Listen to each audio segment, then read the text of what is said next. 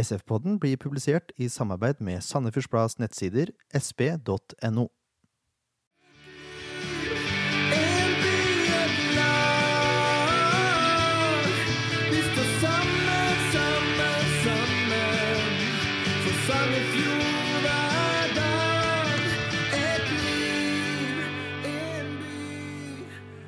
Hei og velkommen til episode 21 av SF-podden. Jeg heter eh, Jørn Werner Horntvedt, og med meg da har jeg som vanlig Ken Skalberg, God kveld, god kveld.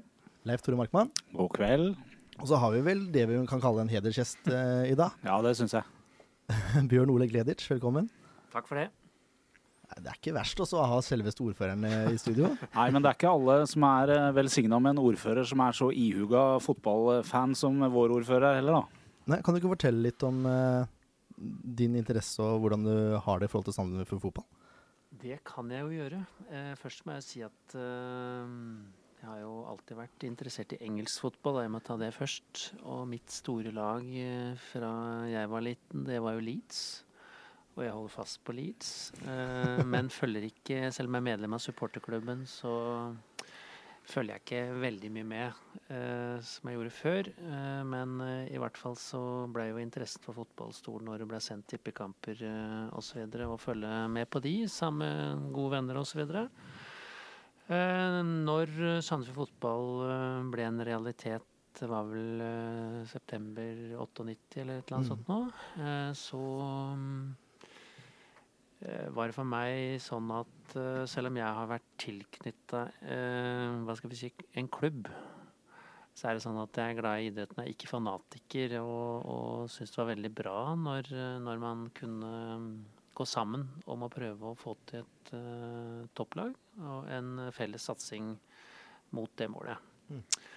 Eh, og når da både næringsliv og kommunen og alle la breisida til, og, og idretten ikke minst, eh, så syns jeg det var veldig bra. eh, Fordi at vi veit jo at fotballen får mye oppmerksomhet, ikke minst i, blant medie, mediene. Det setter Sandefjord på kartet.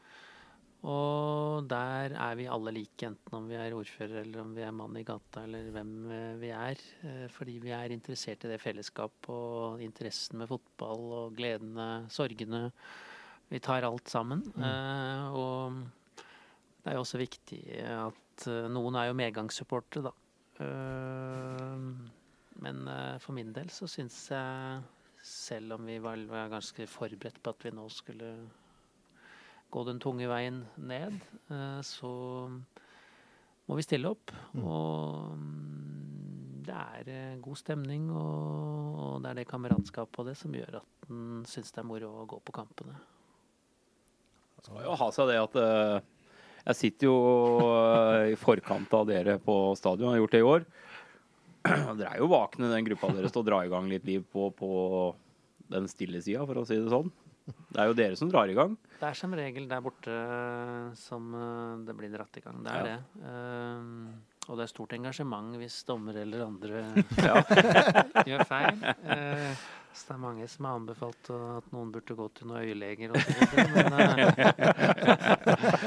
men sånn er det vel når man er litt engasjert, og det tar litt uh, overhånd. Uh, men det er uh, Jeg syns det er spesielt søndagskampene. Jeg er ikke så begeistra når kampene blir flytta til lørdag og mandag. og Nei, det er vi helt enig i her. Mm.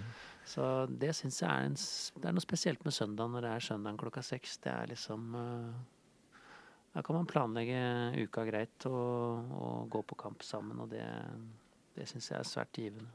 Og jeg syns det er ødeleggende òg, ja, å, å ha kamper på andre dager enn søndag. For det har noe med, ja, med folkemengden å gjøre, da. Ja. Folk er mer tilgjengelige på en, på en søndags ettermiddag. Da. da har de kommet seg hjem fra diverse helgesysler og har tid til å gå på fotballkamp. Slappe av. Og så har vi jo, jeg føler vi har en liten utfordring her i Sandefjord, for det er litt mye folk som, som er litt medgangssupportere. Og det er nok veldig lett, hvis en kamp havner klokka fire på en lørdag, da, å tenke at da er vi opptatt med noe annet. Så søndagskamper er en, er en velsignelse for Sandefjord fotball, Ja, altså spesielt. Men generelt båt. Ja, ja, ja ikke minst. Men så, sånn, bare sånn eh, på generelt grunnlag, du har svart på det allerede litt, men hva er det Sandefjord fotball betyr for Sandefjord som by? Ja, eh, når det går eh, Eller i hvert fall det de sier, at det er eh, et eller annet sted mellom tre, tre og et halvt tusen mennesker, kanskje. Nå var det vel 4001 eller et eller annet de sa var, på stadion.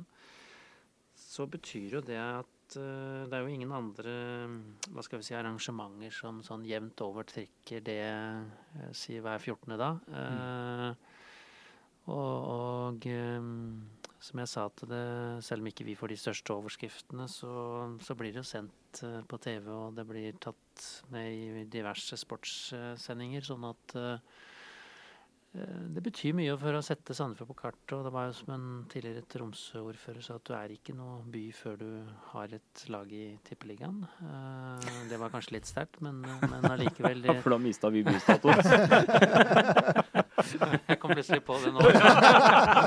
Sammenlignet oss med Så, så det betyr jo Jeg tror det betyr veldig mye for mange mennesker, og kanskje en del som ikke skjer så mye i løpet av uka også, at de, at de har det som et sånn positivt mm, ting i hverdagen å, å møtes. Eh, Da går man sammen en del bekjente og sånt noe, så det er klart at både både å sette sammen for kartet, det å møtes, generasjons, generasjoner som møtes, eh, familie, venner. eh, og også de frivillige, alle de som bidrar også, ikke minst det. Eh, Ballklubben som drar kioskinntekter. eh, Mm.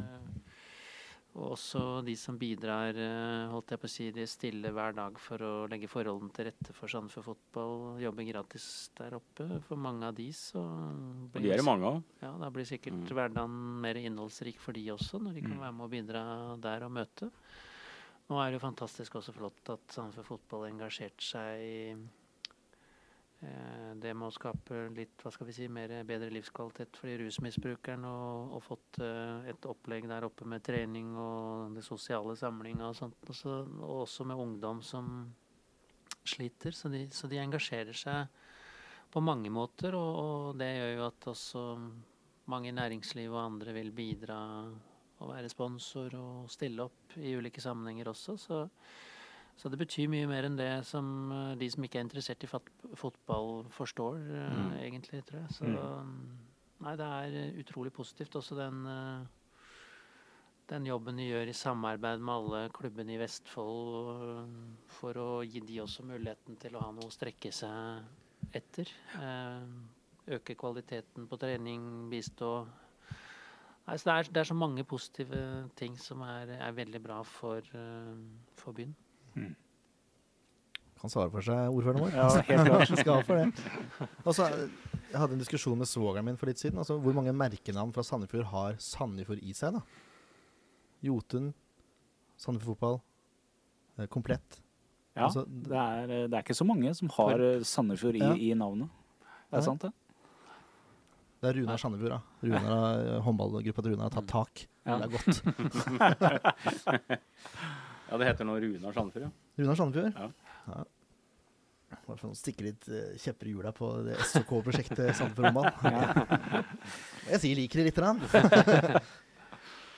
Nei, skal vi The Bitter End har eh, endelig kommet. Altså, Den tjukke dama har sunget og alt det der. Nå er det slutt. Ja, nå er det vel ikke te teoretisk mulig lenger engang. Nå er vi forbi det punktet òg. Ja, det fryktelig irriterende, egentlig. For igjen så gikk resultatene liksom, til Sandefjords favør. da. Hadde de klart å prestere. Ja. Ja, de gjorde det på tampen, men eh, nei, jeg er egentlig ikke jeg sier, sånn Personlig så syns jeg ikke skuffelsen var så stor. For det, jeg mener de har bare godt av Nå har de, de har så mye unge spillere nå som, som uh, trenger et år i en divisjon under for å kunne bygge opp et bærekraftig lag som vi kan bygge på i mange år forover. Mm. Derfor tror jeg det er viktig jeg, istedenfor å kave et år til, kanskje i Eliteserien. uh, en evig kamp om å overleve ett år til. Så kan de gå ned en divisjon, senke skuldrene litt, kose seg litt og bygge noe nytt. Og komme enda sterkere tilbake, og det er jeg sikker på de gjør. Og Lars får bygd på systemet sitt. Lars og Ronny en sesong til nå. Så tror jeg vi er, kommer rett tilbake igjen, og mye sterkere. Så er det en ting som vi ikke må glemme. Eh, Bjørn Ole nevnte det så vidt her i stad. 98 ble Samfunn fotball, fotball etablert. Det er ikke en gammel klubb i det hele tatt. Uh, og det tar tid å etablere seg på høyeste nivå. Det tar tid å, å få et ordentlig fotfeste i, i den øverste divisjonen i Norge. Så det er ikke noe unaturlig egentlig sånn i et fotballhistorisk perspektiv at Sandefjord fotball er et jojo-lag foreløpig. Det er egentlig som det skal være, på en måte, for vi er ikke, klubben er ikke gammel nok til å være godt etablert ennå. Nei, jo, det tar tid å bygge opp alt. Du ser, eh, det er jo ikke mer enn se unger rundt i byen i dag, da. Som nå legger du merke til, nå går unge med SF-drakt, og det er ikke mer enn to-tre år tilbake, så var det nesten ikke til å se. Nei. Nå jo unge gått med SF-skjerf, SF-luer. Det er overalt. Så det, Det bygger seg opp. det bygger seg opp der òg.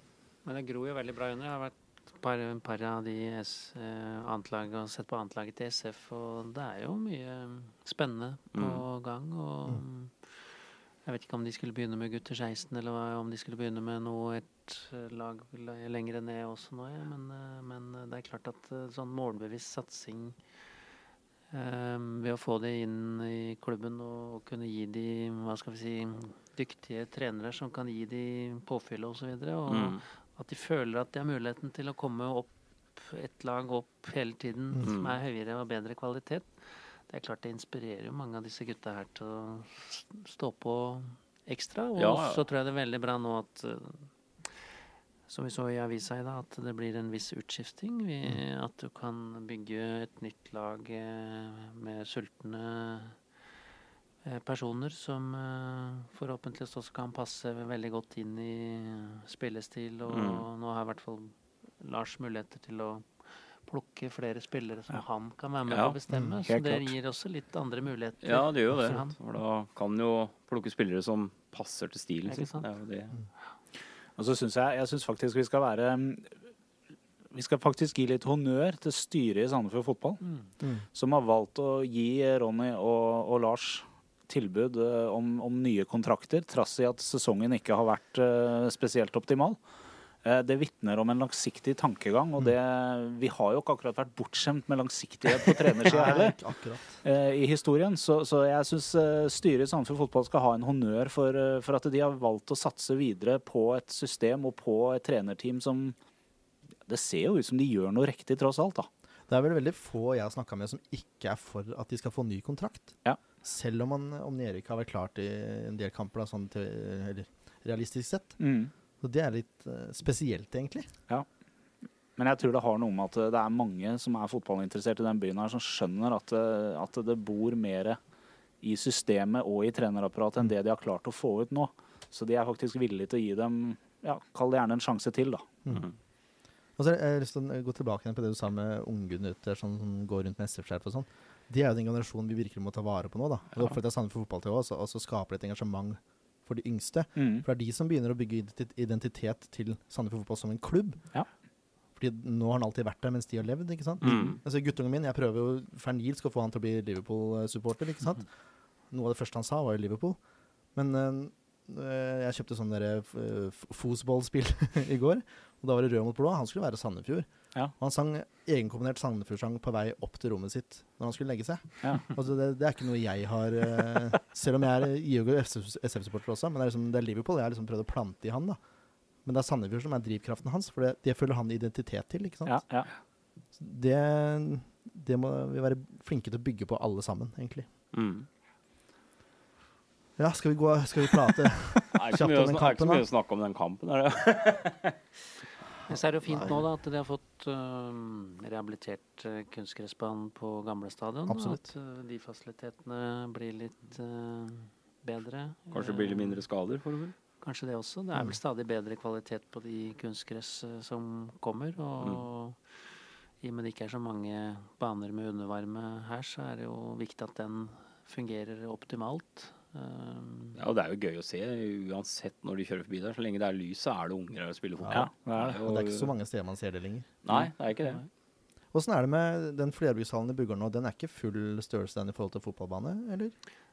Den nye hallen i Bugården er eh, to håndballbaner, og så er det eh, bane for bueskytterne, holdt jeg på å si. Ja. Så mm, det er ikke full eh, størrelse i forhold til fotball inne. Det nærmeste man kommer der, nå husker jeg ikke hvor stor den er, ikke syverbane, det som Sandar skal bygge også, da. Eh, Jeg tror det er syverbane innendørs de skal bygge, og det blir jo spennende å se om de har de anbudene som er innafor det de, som er realistisk for de, men det håper jeg og tror jeg at eh, det er. Så det, det blir jo veldig bra tilvekst også for fotballen, da. Mm. Uh, Hvor langt unna er man en, en jeg sånn tror type? de er sånn nå at de, de fikk vel inn anbudene for en stund siden, så skal de vel kvalitetssikre de og sånn, så jeg tror det er i gata nå i høst at de at de får uh, sett hvis det er innafor, altså at uh, de kan få satt i gang uh, rimelig fort. Det er noen tidsfrister og sånn, siden det er så vidt store, store Mm. løp. Mm. Men eh, det blir et bra tilskudd til, til fotballen. Og nå er det jo Jeg var jo med på å åpne Det har vært mange rehabiliteringer av kunstgressbaner i Sandefjord de siste åra, men nå kommer det jo også Fevang har jo ikke hatt kunstgressbane. Fikk jo de også Ja. bane Så det er jo mange bra anlegg Mm. rundt omkring. Mm. Men er Sandefjord langt unna en sånn type hall med full bane? Full bane tror jeg Det har jeg ikke hørt at det er noe prioritert uh, satsing uh, nå. Nei. Det har vært litt, hengt litt etter på andre halvidretter og Mm. sånt. Mm. Ikke minst nå så er det jo rett før og um, man får greie på om man får bygd denne ishallen, f.eks. Ja.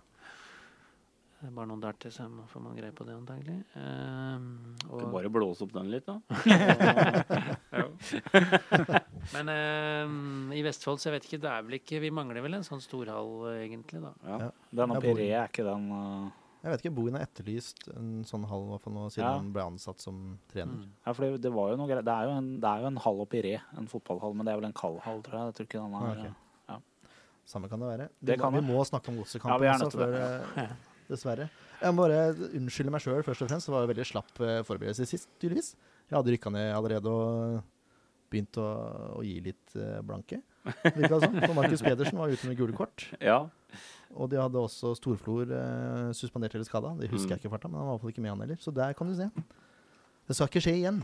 Nei, det er bra, med det. det var ikke med vilje, altså, men eh, så, det skjedde. Eh, ja Det var vel litt typisk for eh, sesongen at vi klarte å rote bort i hvert fall minst ett poeng da, mot Odd. ja. Ja, det kan du si. Det var veldig symptomatisk egentlig for hele Ja. sesongen. På måten det skjedde på også. Det var én Ja. god omgang, og så Mm. Så ramla det helt sammen. Ja. Hvor mange kamper har vi tapt sånn på slutten, liksom, på en måte? ja, det hadde vi ja, statistikk det på sist. Hadde jeg, var jeg kom fram til 19 poeng på det siste kvarteret. Ja. Hvis man eh, ja, Så tar er det liksom så typisk at Midt på med en tabellen, gang en scorer, og så, eh, så går det bare noen minutter, og så scorer eh, Mm. motstanderen. Ja. Mm. Ja, det var grusomt. Du måtte rippe opp i den igjen. Ja. Ja. Eh, SF har fire spillere på benken i den kampen, her, hvorav én er uh, reservekeeper Gundersen. Det sier litt om hvor tynn stallen egentlig er, da. Mm. Ja. Uh, Og mange er Eller hvor mye skader. ja, Det er jo heller det det. er jo heller Mange midtstoppere er Ja. Ja, det er mange. mange keepere òg. Ja. Hvor har, hvor har gjort alle de, egentlig? Men det har jeg et annet spørsmål. Første gang er egentlig helt grusom, eh, sett med SF-øyne også. Sandefjord har én brukbar sjanse, og den er, det er liksom halvsjanse òg, er. Celine som har den. Ja. Ja. Traff han mål, da? Nei, han traff ikke mål. Nei. Men uh, det er nesten så jeg ikke forventa det heller, for det var en vrien, uh, vrien avslutning, egentlig. Ja. Flott uh, spilt opp av Mendy, da. Ja. Eh, men det, det var det, også. Første baklengs allerede etter seks minutter, hvor stakkars Offenberg eh, er ukonsentrert, uoppmerksom og spiller en altfor svak ball eh, tilbake igjen til keeper der. Det ble Ja, på putta. Men jeg er- reagerer litt- litt på keeper også. Nå skal vi tilbake til spillebørsen etterpå. Men han står jo som en strek til busk. Ja, han bruker jo ikke kroppen i noe særlig grad. Det er eh, Nei, altså det er, han er som en strek. Ja, ja. Han, han trekker seg akkurat til det han skjønner at ikke han kommer til å rekke men da kan Mm. du jo legge, prøve å legge deg ned, f.eks. Ja, det- ja. Straffespark er bedre enn mål. Men det er lett å være etterpåklok. Det har vi, det har vi snakka snakket om flere ganger. Ja, Nei, han avventer vel situasjonen, og så Avvent for lenge. Ja, avventer for lenge. Jeg tror, tror han avslutter før Buske egentlig har trodd at han skal avslutte. da. Ja, Det er mulig han tror han kommer Mm. til å runde. Det er Ja, greit. for han avslutter på omtrent første touch. Så jeg tror nok han eh, venter at han skal komme nærmere før han prøver på noe. Men jeg, jeg hadde også gjort det samme hadde jeg vært i en situasjon der. Jeg hadde avslutta på første touch der. Ja, du, ja? Ja, jeg hadde aldri rekt Du hadde lagt den i ballen. krøsset, da. Nei, det hadde jeg ikke. Men jeg hadde, men altså, det er jo, man skal jo avslutte så fort man kan, ikke sant? Ja, ja, ja. Så fort man har mulighet. Det er jo Ja, jeg Ja, det, det var er litt ikke sånn lett å, det er ikke lett å prøve å gjette seg til hva Busk tenkte, men uh, det, var vel det var vel ikke den beste avgjørelsen han hadde gjort. Nei, jeg, jeg, jeg vil nok heller til heller at eh, det er sånn som det har vært i hele år. Det er eh, store personlige feil. Men det er vel først og fremst. Eirik som gjør feilen. Det er Ja. ikke akkurat keeper som Nei, det er ikke det. Jeg bare prøver å støtte unge Offenberg litt. grann. Akkurat den var liksom Jeg trodde um, ut fra hva man har sett før, så skal man ikke Hvis man spiller en sånn ball inn mot mål, så burde man vel vært mer ut på sida også, for å si det sånn. Det ja. så stor mulighet. Ja. Så jeg, Men, men, han kommer i eh, blindsone, han Strømskog-spilleren også, til Offenberg. Det er mye mulig, men det er vanskelig å sånn, det er i hvert fall stort av, lagkompisen av resten av SF da, som går bort til Offenberg etterpå og klapper han på skuldra og sier eh, det her går bra. Glem nå det her. Jeg vet ikke om de sa det, da, men eh, de, han fikk i hvert fall et klapp på skuldra. da. Ja. Og sikkert er noen trøstende ord. Han er Ja. 19 år, og det var nok ganske grusomt for han det der. Jeg tror nok det. han, han var veldig voksen intervju intervjuet etterpå da, med Tore Holden. Det skal han ha også. Mm. Han svarte godt for seg der, syns jeg. Ja. Han kommer sterkere tilbake igjen. Ja, ja. ja, ja. Lært av det. Lært av det. Ja. Det går 15 minutter til, og så kommer baklengs nummer to. Grorud har jo blitt skada den tida der. Så det er selvfølgelig det angripet før Grorud blir bytta ut. Da, da skjer det jo, da. ja. Ballen ender opp hos uh, Boateng, som får vente opp mutters alene inn i feltet. Der har du det igjen også. Den vender opp og skyter. Går via Grorud, som uh, naturlig nok ikke er nok oppi, for han har andre spillere å ta seg der. Hvem skal støte, holdt jeg på å si? Det Og hvem skal falle? Midtbanen bør jo være der nede, spør du meg. ja, det er jo mangel på støtte bakover, Ja. og det er jo markeringssvikt nok en gang. Man ble tatt på en kontring, rett og slett. Ja. Minner, minner meg litt om Rosenborg-kampen, egentlig. ja. Hvor man har solgt, men altså, ja.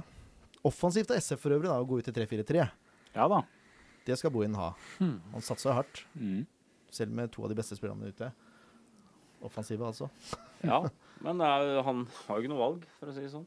Nei. Men de er jo litt heldige med det nå, da, med, med den skiftet i retning som ballen fikk. Ja. eh, Så er det klart at eh, de var jo veldig uheldige på den også. Da. Ja. Ja, det var de jo. Eh, De var jo Det er jo to gratismål, for å si det sånn. Men Ja. de var jo heldige som ikke fikk flere i sekken. Ja, det var blant annet en kjempesjanse til Wilsvik der, hvor eh, Jeg skal ikke nevne navn, men han som spiller høyre midtstopper, mista kanskje litt markering der. Han fikk stå helt alene. Heldigvis bodde han Mm. på ballen. Ja. Nå skal det sies, da, uten at vi skal være etterpåkloke, at etter at en viss herremann eh, ble, ble flytta ned til høyre stopperplass, så blei det ikke noe flere baklengs. Nei. Skal vi nevne eh, navn? ja, vi kan godt eh, nevne at Demba Bindia rydder opp for eh, i hvert fall to mann, nesten tre, i den bakre rekka. Jeg blir jo litt sånn sinns, sinnssyk i øyeblikket, syns jeg Bohin er når han ikke bruker den bak der, altså.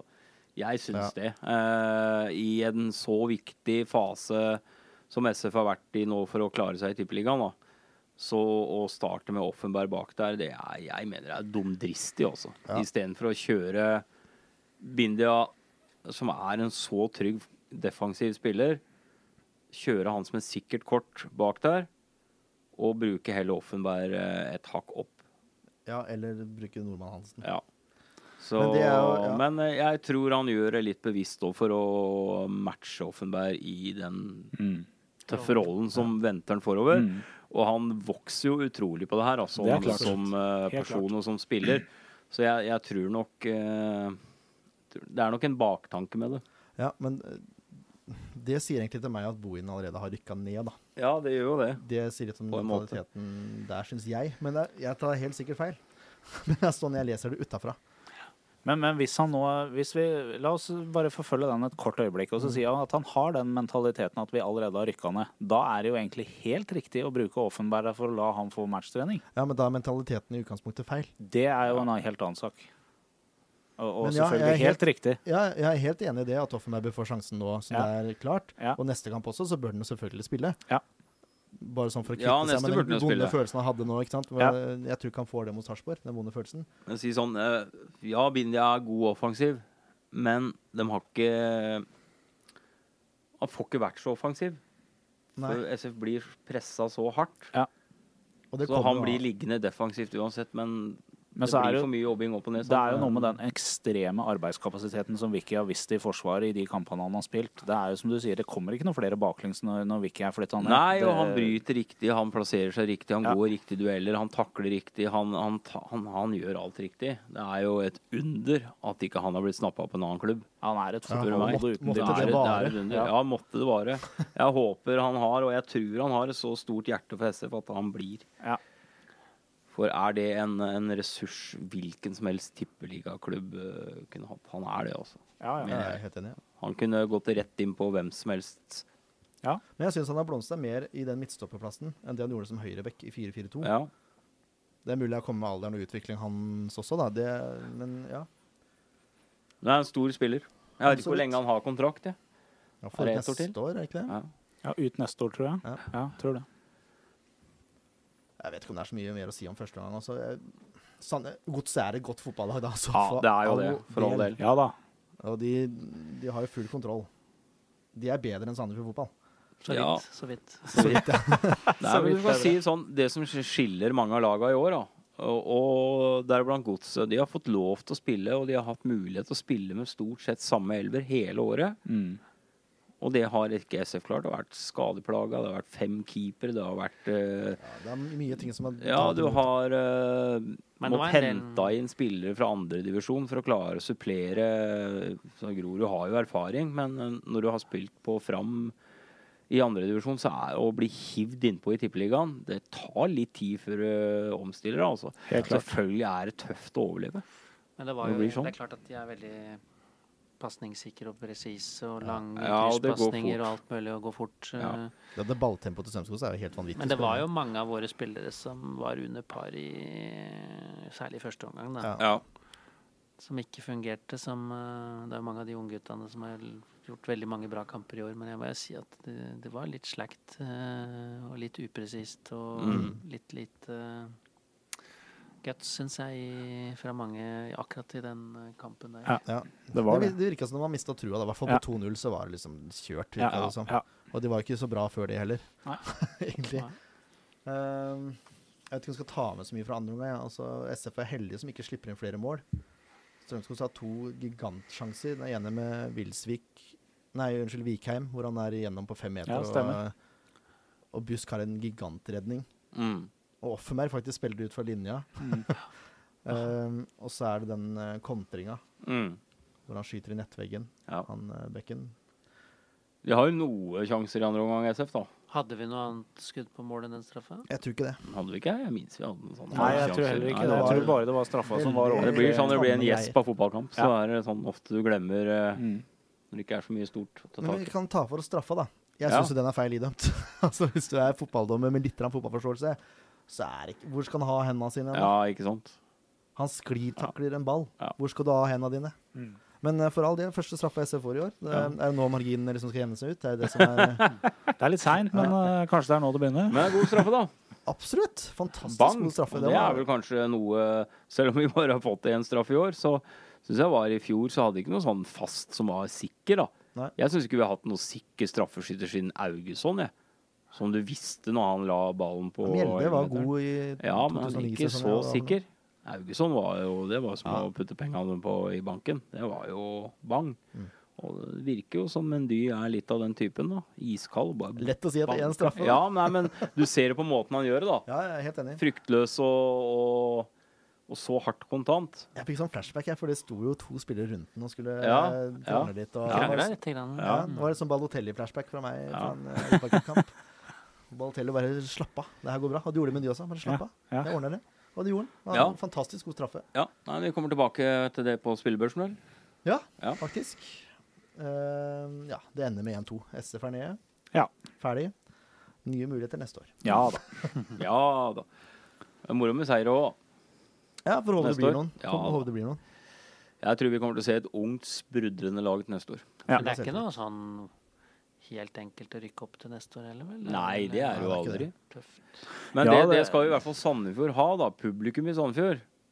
Det, er, det blir ikke det store frafallet, selv om Nei. de rykker ned en divisjon. Det blir det ikke. Den man først merker, er jo bortesupportere, da, som det blir mindre av. Du merker litt grann forskjeller i antall tilskuere når det er gått på et par tap. Så merker du at det Ja. dabber litt av. Og så eh, hjelper det seg når man har en seier eller to. Ja. Men det er som du sier, det er ikke noe sånn enorm forskjell eh, fra nå i Tippeligaen og, og altså Nei, for det var bedre trøkk på slutten av sesongen i fjor. Ja, ja. Når de vant og vant og vant og vant. Ja. Og det var jo kjempetrøkk på tribunen. Ja. Og det har jo ikke hørt en eneste gang, i hvert fall siste delen av sesongen, hvor det har blitt ropt Sandefjord over på hver side. Nei, jeg tror ikke det har skjedd. Det ble jo i en- en hele kamp, fjor. Så Ja, det har vært forsøkt litt, grann, men Ja, det er liksom. Ja. Nei, Det har vært litt sånn halvhjerta Ja, forsøk, men kanskje. folk blir litt halvhjerta de Ja. Når det ja, det blir tap og tap og tap, og tap, så Ja. blir det sånn Det, er- og det er fullt forståelig. Ja. Ja, ja. jeg har kjent på den følelsen sjøl, jeg. Ja. Eh, jeg hadde noe jeg skulle si, men jeg glemte det selvfølgelig. Så Ja, da får bare vi hoppe videre. uh, ja. Er det spillebørs nå, eller? Det er spillebørs. Kan si litt om spillebørsen. Nå har det vært en diskusjon rundt spillebørsen, og det har vært veldig hyggelig. Jeg har satt utrolig stor pris på det. Selv om jeg er påståelig og alt det der, så setter jeg utrolig stor pris på tilbakemeldinger, eh, både positive og negative, som jeg har sagt hele tida. Det, det hjelper bare meg å utvikle meg videre som børssetter. For du må huske på at dette er debutsesongen min. Og det er vel bare halve sesongen som jeg har gjort det også, Ja. hvis det er så mye. Ja. Eh, så nå går jeg bort ifra halve karakterer nå, siste to kampene. Ja. Det er første steg. Og så skal, skal jeg rekalibrere litt foran neste sesong. Men de sp spillebørsene jeg har satt, står jeg for. Jeg kommer ikke til å skeie ut og gi nier og tier og ener og toer i hytt og pine. Det kommer ikke til å skje. Nei, men det, har, da- det er jo heller ikke noe grunn til, for det har ikke vært noe. Nei, det har det ikke. Åtter har vært det høyeste vi har gitt, og Det det har ikke vært noe Kanskje jeg kunne gitt en treer eller to til. Ja, du kunne gått ned ja, Ja, på noen. Det, kunne du jeg gjort. Men uh, åtter er ingen som har fortjent bedre enn åtte, spør du meg, også Nei. det året her. Og Derfor blir ikke strekket så stort. Skal du få en tier, det er som jeg har nevnt både på internettet og her før vi begynte å spille inn Ola Sanetti mot Rosenborg, borte. Skårer to mål, har redning på strek. Er overalt. Det er en tierkamp. Der har du liksom satt, lagt lista. Skal du få tier en kamp, så må du opp på det nivået der, minst. Men var du på den kampen? Nei, det var jeg ikke. Men det var jeg. Det var på, jeg var på Torp når du kom hjem, og det var gøy. Ja. Når eh, hele atkomsthallen på Torp flyplass var full av sandefjordinger Ja. kledd i blått og Ja. sang og hoia når spillerne kom og fly. Det var eh, Den slo nesten uh, første opprykket mot Moss. Ikke slo det Da var det du også, så jeg, på SFTV på litt sida. Der var jeg også, gitt. Det er godt, altså. Det er et godt forbilde for eh, resten av byen. Det skal Ja. du ha. Det er moro å være med og feire litt, vet du. Ja. Det blei hard feiring etter det første opprykket. Det blei det. Det var eh, rimelig fullt ned i gata her. Altså. Ja, der var jeg faktisk, Ja. i gata. Ja. Mm. Nei, jeg husker jeg, jeg fikk eh, drakta til Augesson etter den kampen. Den, eh, den tok jeg ikke av meg på hele kvelden. Det lukta altså så infernsk svette av den drakta. Så folk gikk jo rundt. Du gikk jo. Vika jo jeg kom. Er det ikke sånn det pleier å være, da? Jo, det er sånn det pleier å være. Nei, altså, altså det med tidligere prestasjoner, det var egentlig Jeg nevnte det i begynnelsen som et eksempel, fordi jeg måtte ha et utgangspunkt å sette en godkjent karakter på. Ja. Det er ikke sånn at jeg vurderer hver spiller ut ifra hva, jeg- hva jeg forventer jeg, eh, i forhold til hva de har prestert tidligere. Sånn er det ikke, selv om jeg har sagt det. Kamp for kamp. Ja, Og det går med på rollen i laget, Mm. de og de kampene. Og selvfølgelig prestasjon. Det er liksom hovedessensen her, da.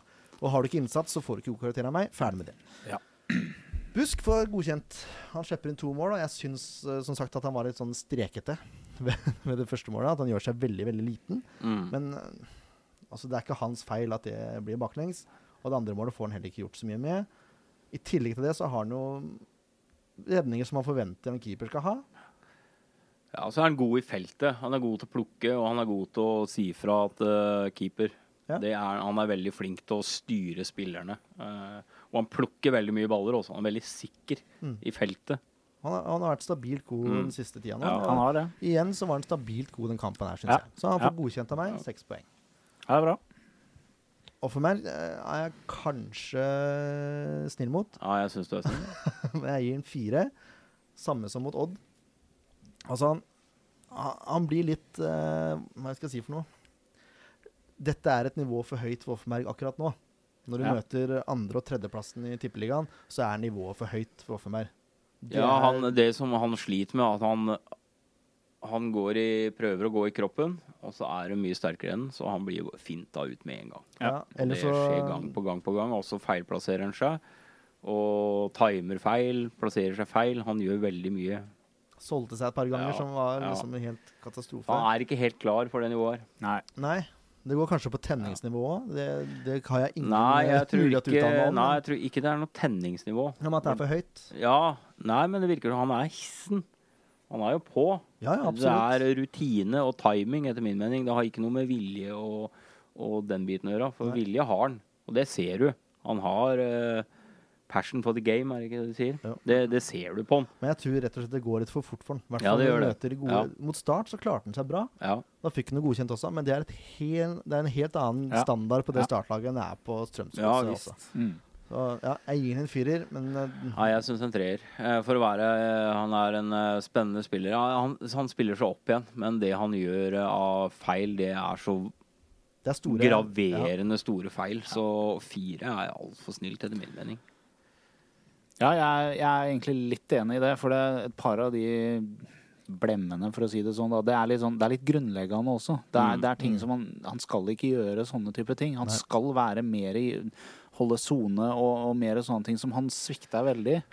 Og det er, det, er, det er ikke det at du blir utspilt av et bedre lag, men du, du svikter liksom grunnprinsippene i den rollen du har I på laget. tillegg, vil jeg Ja, si, for ja, han blir ja. også. Jo, jo, men Ja. altså, det, er ikke, det er ikke hovedgreia at han blir utspilt. Hovedgreia er at han svikter fullstendig den rollen han har, og den funksjonen han har. Ja. Og, og det, så jeg er egentlig litt sorry, men eh, en treer er kanskje mer riktig i den kampen her. Altså. Jeg kan si meg enig. Den skal jeg justere til etterpå. Grorud Vant vi fram? andre, ja, andre gang på rad, altså. Ja, andre gang på rad. Vi argumenterer ja. godt, da. Ja, Ja. det gjør det, men det er det som er hele greia med spillebørsen. Jo flere som gir objektive meninger, jo mer objektivt blir det. ikke Ja. sant? Mm. Det er en veldig subjektiv greie. Eh, Grorud må ut etter 20, så jeg gadd ikke å sette noen karakter på han. Nei. Rett og slett. Han klarte seg brukbart fram til det. Ja, han gjorde det. Han gjorde det. Og han har egentlig hatt en stigende formkurve. Jeg vet ikke hva Ja. som skjedde med han heller. Så det må være til strekk eller noe. Altså. Ja. Kjenner- ja, for han har jo slitt med det litt tidligere. Jul. Jul. det, det jeg legger merke til når Jul spiller, da, er at eh, SF sliter veldig med å ha ballen i laget hvis man bruker han som en spillende midtstopper. Og det er kanskje hans største svakhet, selv om han er dansk. Og dansker skal være mye bedre teknisk enn det nordmenn er. fjellaper, som de kaller det. Ja, det her er unntaket, og så bekrefter regelen, for å si det sånn. Han, han bidrar veldig til at SF ikke klarer å holde ballen i laget, fordi han slår så mye langt. Og Ja. det er langt i ingenmann- ingenmannsland. Ja, og da kan du igjen spørre deg, da. Hvorfor driver SF gjennom en hel kamp og pumper opp langt på to spisser som over Tre spisser til tider, som overhodet ikke er hodespillere? Celine, Celine har en viss benst, men er jo ikke i nærheten av hodestyrken til midtstopperne til Godset, som bare rydder unna som det skulle være miniputter i spillet mot. Altså. Men det er sikkert for å slå over et ledd, så man slipper det første presset. Ja, men de får den jo rett i retur. Ja, det er det som er problemet. og så bare fortsetter de med dem hele veien. Ja, Og så er det ikke presis nok. Det er, det er den største greia, at man er ikke presis nok. Men jeg tenker at tanken i utgangspunktet er god, for jeg er veldig enig med deg at det handler om å prøve å slå over et ledd for å slippe tidlig press. Ja, ja, ja. Problemet er at uh, når man har prøvd det noen ganger og det ikke funker, da må man legge om taktikken litt. Ja. Det funka med Kirkevold, for. Kirkevold var sterk nok Ja. i kroppen til Ja. å stå imot. Ja. Men de er ikke Celine og, og Mendy. Nei. Nei. Jeg tror Mendy kan bli det. Men han kan bli det, men men er- Celine er er ikke mellom- Celine Celine har sin største forskjell når han kommer på linje med forsvarsspiller og kan løpe forbi. Ja. Da er Celine god. Ja. Når han går i bakrom. Ja. Men det får man ikke til så Nei. mye på hjemmebane, altså selv mot uh, Strømskostet. For de står lavt med den fireren sin. Mm. Men det positive med Jul, da, det er jo at han, han, han er god defensiv. Ja, Han er OK. eh, OK defensiv. Jeg syns han Han rydder opp. Rydder opp bra. Det gjør han. Ja, på Han, hodet så gjør han ja, han gjør det. Han rydder opp godt. Han gjør riktig, men idet han får ballen og skal gjøre noe videre, så er det ikke bra. Og så kan man spørre seg da, er det jobben til midtstopper Nei. å spille ballen eh, til medspiller? Jeg syns det, da. I hvert fall en, en eh, Ja, det er å spille til medspiller, da. Ja. Det er ikke bare beina opp. Nei, nettopp. Og derfor får han ikke godkjent. Han får femmer. Ja, det er jeg helt enig i. Eh, jeg syns han sliter litt. Det kan ha noe med, med kombinasjonen på midtbanen også, at midtbanen ikke er med i den kampen her. At han sliter litt på sida si. Mm. Og det at uh, vingene til godset har utrolig med fart, altså. Ja, de har det. Han får, han får femmer. Bindia derimot får godkjent, som vanlig. Han var ikke helt ute å kjøre på, på den uh, vingen, men uh, han var vesentlig bedre enn han ble flytta ned. Ja, han, er, han er- han er- kommer liksom til, i sitt rette element. Ja. Ja. Nå har Ja, du slutta han- halve, da, så da, Ja. da er jeg helt enig i at at vi skal lande er jo en av de, det har vi jo sagt før også, en av de som faktisk har holdt et jevnt høyt nivå gjennom hele sesongen. Eh, det er flere andre som har utmerka seg i enkeltkamper og, og gjort det bra, men, men Bindia har holdt Ja, jevnt stabil, høyt da. nivå. Mm. Det er Bra innsats på, Ja, på han. han har det resten mye av, eller nesten hele resten av laget mangler. Ja, på en måte. Kontinuitet. Og så spiller han med hjertet utover drakta hver Ja. eneste kamp. Ja. Ja, ja, ja. Det, det er litt inspirerende da, for, uh, for fotballfans å se. En spiller Mm. som gir så mye av seg sjøl. Ja. Tenker jeg. Men han, han får godkjent. Han, jeg, kan, jeg kan ikke vippe han opp til en syver den kampen. her. Nei, altså. men du kan kan si han er SFs beste, Ja, det kan jeg si. og det er han. Du kan si det, for det er den. Ja, Ja, men det er det er fasit. Det er jeg helt enig i. SFs beste. Kutovic han får ikke godkjent den kampen her. De gjør egentlig Hele midtbanen får eh, fem av meg. Og det går mye på det samme. At de sliter med posisjonering. Jeg vet ikke om det er fordi det er ny formasjon, eller, eller hva det er for noe, men man sliter med posisjonering. Og ikke minst, når skal man gå i press? Når Ja. skal man falle av? Ja. Og man blir, man blir liksom tatt på det gang på gang, da. Ja, og du ser andre målet som du har, du har skrevet opp i notatene her, da, det er at han Ja, han fyller, følger spiller, men han, han ligger to meter unna. Mm. Det var utrolig mye feilpasninger av William i den kampen. Ja. Utrolig. Jeg han var veldig svak i den kampen i forhold til forrige kampen, f.eks. eksempel Og Ja. veldig mange andre kamper. Så syns jeg var en av de dårligere kampene han har hatt eh, Ja, lenge. han begynte ganske greit med pasninger, men på slutten så var det jo feilpasning på Feilpasning Ja. Han traff jo ingenting. Nei. Slo opp i ingenmannsland og Ja. ja. Det virker som eh, Jeg har lyst til å ta hele midtbanen over ett, det er egentlig også. For jeg synes det er mye, Selv om eh, William har mye feilpasninger, ja, men de har Geir Ludvig også har mye feilpasninger. Ja, Jeg syns Geir Ludvig var direkte svak i den kampen her. Ja, Virka ikke som han. Ja, jeg synes han virka ikke interessert. Jeg, nei, jeg syns han var eh, langt under paret. Ja. Jeg mener kanskje det er Geir Ludvig som bør være på han som skårer andre målet. Ja. Uh, for det er ingen Det er andre der. flere som skal være der. Ja.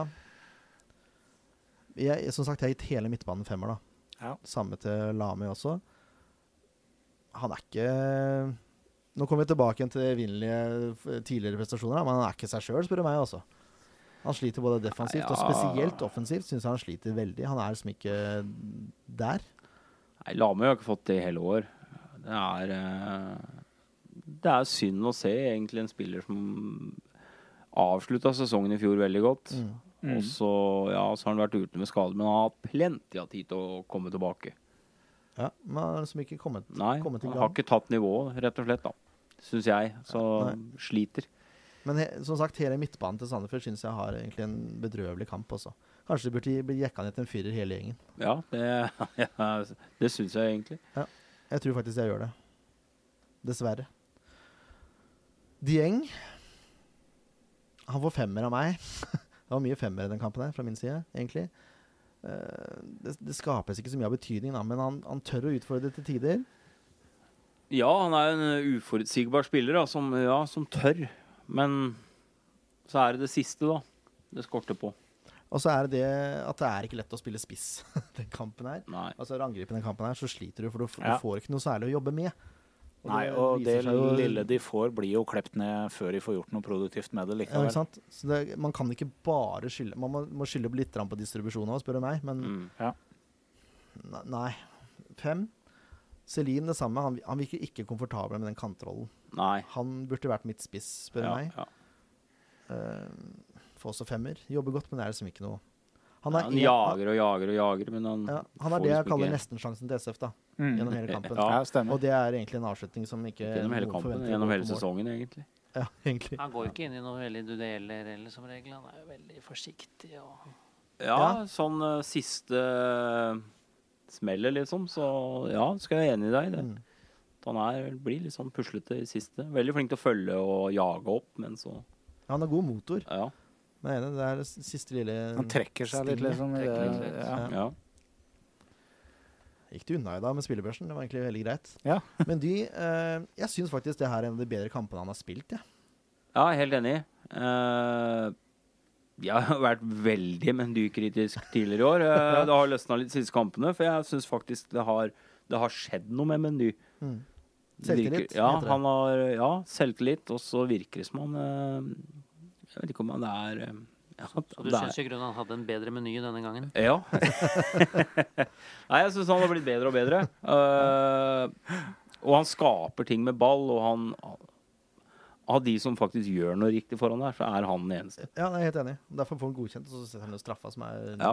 nydelig satt. Ja, det er jo veldig bra. Men jeg la merke til det i med Det var spesielt ett angrep, hvis jeg kan kalle det det. Et forsøk på angrep i første omgang. Hvor det Meny som har ballen på 40 meter eller noe sånt nå, begynner han å peke hvor Serin skal komme og sånn. Og det har jeg ikke sett den gjøre Nei. før. At han har vært så konstruktiv i tilbakemeldingene Ja, til ja. hvor jeg vil ha deg hen. Du For å kan, kunne slå en pasning. Ja. Altså, ja. men det du kan legge merke til, da, som jeg la merke til i den kampen her, med eh, sånn eh, Celine kontra Mendy, så er Celine utrolig treg med å levere fra seg ballen. Mm. Utrolig. Mens Mendy, han Celine virker mer egoistisk, da. Jeg er helt enig. ja, sånn har det ikke vært før i år. Nei, og mens Mendy han, han leiter etter eh, Ja. spillere hele tida. Mm. Ofte hvor Mendy klarte å krige til seg ballen på midten og fikk lagt den ut til sidene. Og, og prøvde i hvert fall, og traff veldig mye òg. Mm. Men det kom jo sjelden innafor 16. Dessverre. Men han, han gjorde veldig mye riktig i ja, den kampen. jeg er helt her, altså, så Ja. Bortsett fra, fra Bindia og Busk, så er Mendy ja, de tre beste. Og gleder meg til neste år. For jeg tror han Ja, kommer til å skåre mye mål til neste år. Ja. Han kommer vært mer inn i boksen nå, forhåpentligvis. Ja. Mm. Ja, han får altså godkjent. Eh, Ja, jeg, jeg var nesten imponert, Ja. faktisk. Nesten Ja, imponert. jeg er bra var, jeg var faktisk litt imponert. Uh, I hvert fall med tanke på det vi har sett tidligere i årene. Mm. Ja, det var noe helt annet. Og det, jeg la merke til det samme. Det var litt mer Altså, han, han var veldig, veldig sånn klar på at han leita etter løsninger hele tida, Ja. og det har jeg ikke sett tidligere. Nei, God kamp av Mendy der, altså. Ja. Vi runder av der. Vi, med vi runder av der. Norman Hansen, jeg tar med han, jeg, for han spilte jo eh, 70 minutter. Ja. Jeg syns han gjør et godt innhopp, jeg. Altså, han er litt tilbake igjen til eh, Det handler om selvtillit igjen, virker det som. For Ja. han tør han å utfordre. Han klarer å utfordre som regel. Han mista ikke ballen så mye som han har gjort eh, tidligere. Nei, og så skal han ha det hvis han mister, så, så jobber han i hvert fall hjem igjen. Og, og det er jo det du mangler med Celine. Så er det i hvert fall noe Nordmann Hansen gjør, så er det å banke til i dueller. Det skal han ha. De eskorter ikke på det her, altså Nei. unge gutten. Han er Nei, ikke han- redd for beina. Nei. Han, er, han har ikke så mye respekt. Nei, og det, det er bra. Uh, vil også få litt neste år. Han får godkjent. Det er mulig jeg blenda litt av, av fin teknikk. Og Nei, jeg syns veldig og sånn. blenda, ja, men, Men jeg syns han gjør altså, men han gjør en god kamp. Han kom seg jo litt i, i Odd-kampen, og det trekker han jo litt med seg her også, Ja. liksom. var det jeg også tenkte. Ja. Ja. Nei, men vi Jeg gir den en sekser, jeg også, så får det heller bare briste eller bære. vi tar en Legg li... lag godvilja til. Nei, vi har ikke det da, egentlig. Nei, ja. han, har, han har mye positivt, og Det kan, Ja, bli, det kan bli mye spennende fra eh, unge Normann Hansen neste år. Altså. Ja, det tror Jeg jeg. forventer mye spennende fra han neste år. Ja. Vi tar et lite musikalsk eh, avbrekk. Det blir ikke så veldig lite, det blir litt langt, faktisk. Dere får hygge dere. ja, mine damer og herrer, da er det musikkstikk igjen, da. Nå er det sånn at vi pleier å oppfordre til å sende inn tips eh, om eh, musikere eller band eller artister som vi kan presentere her, og det må dere bare fortsette å gjøre. Men eh, neste uke er booka, mest sannsynlig. Så vi er egentlig ferdig med de ordinære sendingene. Altså, dette er nest siste artist som blir presentert. Men som sagt, vi vil gjerne ha tips om andre folk som vil være med og bidra. Og vi starter igjen eh, neste år, rett før sesongen, og da er vi i gang med det gode, gamle kjente. Hvis vi har fått oppgradert utstyret vårt, så kan det hende vi kan begynne med liveinnspillinger òg, og det hadde vært stas. I dag så skal vi presentere Chapter 2. Det er et band, som, eller en duo, som består av Kelly Dixon og Werner Christiansen. I tillegg til hennes arbeid som jazz- og soul-vokalist har Kelly de siste årene fokusert på sitt prosjekt Chapter 2 med gitarist Werner Christiansen, der de samler sine musikalske erfaringer, jobber med originalt crew-basert materiale og henter like gjerne inspirasjon fra sjangerne funk og blues som soul og jazz. De har med Chapter 2 og sine andre prosjekter inntatt scenen på steder eh, som eh, Ronny Scotts Jazz Café, The Troubadour og Hippodrome i London, samt festivaler som Glastonbury, The Big Chill og kanskje høydepunktet der de åpnet for John Legend på Dubai Jazz Festival. Chapter 2 eh, består som sagt av Kelly Dixon, som er født i Nord-Irland og oppvokst i Leeds. Det var klart eh, at sang og musikk skulle bli en del av livet fra tidlig alder. Hun var aktiv i studiemiljøet allerede som 16-åring, og dette førte til en platekontrakt med Polydor få år senere. Snart var det jazz og funk som sto i fokus, og hun ble raskt godt etablert i jazzmiljøet i England, og fulgte så opp med å studere musikk på jazzlinja til Middlesex University. Kelly debuterte med jazzplaten Vocal Point i 2003, spilt inn i New York, der hun hadde med seg blant annet den meget anerkjente saksofonisten George Garçon. Dette samarbeidet fortsatte, og i 2007 reiste hun tilbake til New York med sin norske partner Werner Christiansen fra Sandefjord som musikalsk leder på gitar, og spilte inn plata Doodlin med Garzone og hans trio. Kelly ble også oppdaget av Paul Verretts trommeslager Steve White i 2005, og ble med i hans eh, autentiske funkband The Players, med for øvrig medlemmer Damon Minchella og Mick Talbot fra Style Council og Ocean Color Scene. Dette førte til mye turnering i Storbritannia og Europa, med opptredener annet på Glastonbury og Blue Note Milan. Albumet From The Six Corners ble spilt inn eh, der hun i tillegg eh, til eh, vokalistrollen skrev mye av materialet til platen. Werner Christiansen er fra Sandefjord og har mange år bak seg som musiker i London og Storbritannia. Han ble forholdsvis aktiv som jazz- og sessionmusiker allerede som student ved Royal Academy of Music på slutten av 90-tallet, både live og i studio. Prosjektene har vært mange og allsidige, fra jazz med George Garzone til kommersiell musikk som musikalsk leder og gitarist med Louise Golby, Lily Allen, Jackie Graham og Kid Creole. Andre fine erfaringer ble gjort i tiden han var med på plateinnspillinger og turnerte i Europa rundt med Rai-sangeren Abedekar Sadoun fra Algerie, og den anerkjente greske artisten Athena Andreadis. I tillegg til sin frilansvirksomhet jobber han for tiden med en del originalmusikk med sin samboer, den anerkjente britiske jazz- og soul-vokalisten Kelly Dixon, og deres prosjekt Chapter 2. Werner har i de senere årene vært heldig å få spille på mange klubber og konsertserier som Ronny Scotts, Jazz Café og Pizza Express i London, samt festivaler som Glastonbury, Big Chill, Dubai Jazz Festival, for å nevne noen. Du finner Chapter 2 på Facebook. De heter Chapter 2 Music, så søk de opp. De spiller på Selvskreven aften på Verdensteatret 21. i 11.15, 21. november altså, sammen med en rekke andre artister fra Sandefjord. Dørene åpner klokken 19, og billetter selges på Hjertnes eh, eller på billettluka. Det koster 300 kroner stykket. Vi anbefaler virkelig å ta turen dit. Dere finner også den eh, som en event på Facebook hvis dere søker på Selvskreven aften. Nå skal vi høre Chapter 2 med sangen Love With You.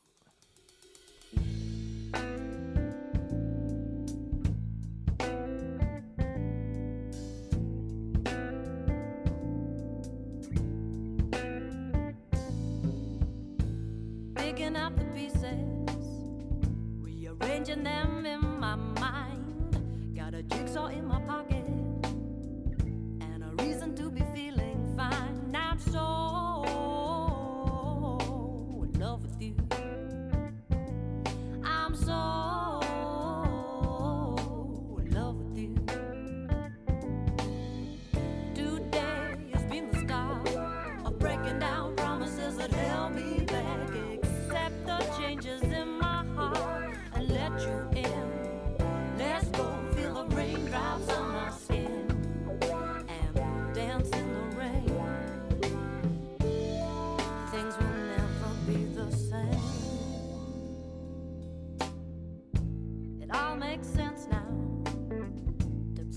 That's the way it is.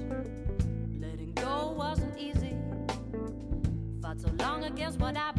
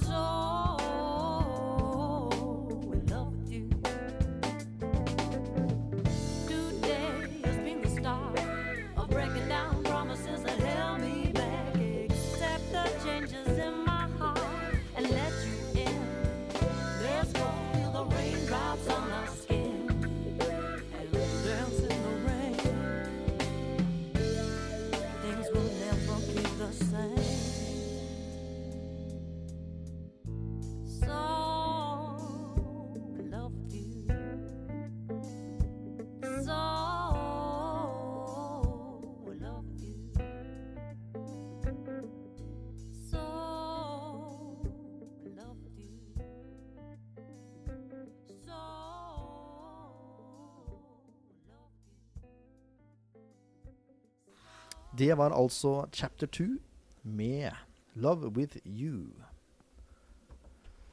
Ja, vi kan, eh, det er litt podinfo først, da. Vi pleier jo å ha litt Litt podinfo. på det info. Er ikke det veldig greit å ha, da? Jo, jeg synes det. Vi nærmer oss stygt 400 likes på Facebook. Vi gjør det nå. Det skjer ting. Jo, Amankwa, du lova oss et par hundre likes. Skulle invitere alle modellvennene dine fra Bergen. Ja, Kom aldri. Kom aldri. Det må du, nå må du Shame on stoppe litt. ja, det må du faktisk. Hvis vi skal dele ut en drakt Nå er Frank, eh, Frank er ferdig, Frank er ferdig. Ja. så nå Men eh, vi har fremdeles drakta. Ja, ja, ja, for all del. Og så er det sånn at det, nå er det snart sesongslutt. Ja. Vi snakker om dette klenodiumet. Hva syns du om, eh, om drakta i år, eh, herr ordfører? Litt fremmed. For vi har lært å bli veldig glad i den, skjønner du. Ser jeg. Jeg vil kalle det et klenodium. Ja. Jeg tror ikke det kommer til å skje igjen. Nei, Altså, det blir man- helblått neste år, tror jeg. Man kan vinne altså sannsynligvis da det eneste året Sandefjord spiller i tofarga drakt. Signert. Kan det bli verdt mange mange tusen kroner etter hvert. Kan det. Det var jo godt at det ikke ble den kamuflasjedrakta de skulle bli. Ja, det var veldig greit, egentlig. Neste år er det blått og rødt og hvitt rutete. Ja. Inspirert av curlinglandslaget. Ja, Kjøkkenklut. Så det tror det blir bytting igjen? Jeg tror det blir helblått neste år. Tror du det? Jeg tror ikke du? Nei, jeg vet ikke. Ja. Jeg, jeg tror også det. Jeg tror uh, motstanden mot uh, den todelte drakta har vært uh, stor. og det har de merka seg. I tillegg så Jeg syns han henger litt i sammen med spillestilen. Utradisjonelt. Ja, altså Ja. klubblogoen. Ja. Jo da, det er Jeg har aldri hatt noe imot den. Jeg syns den var kul. Men det er én ting som det er gjort en, en liten bommert på der.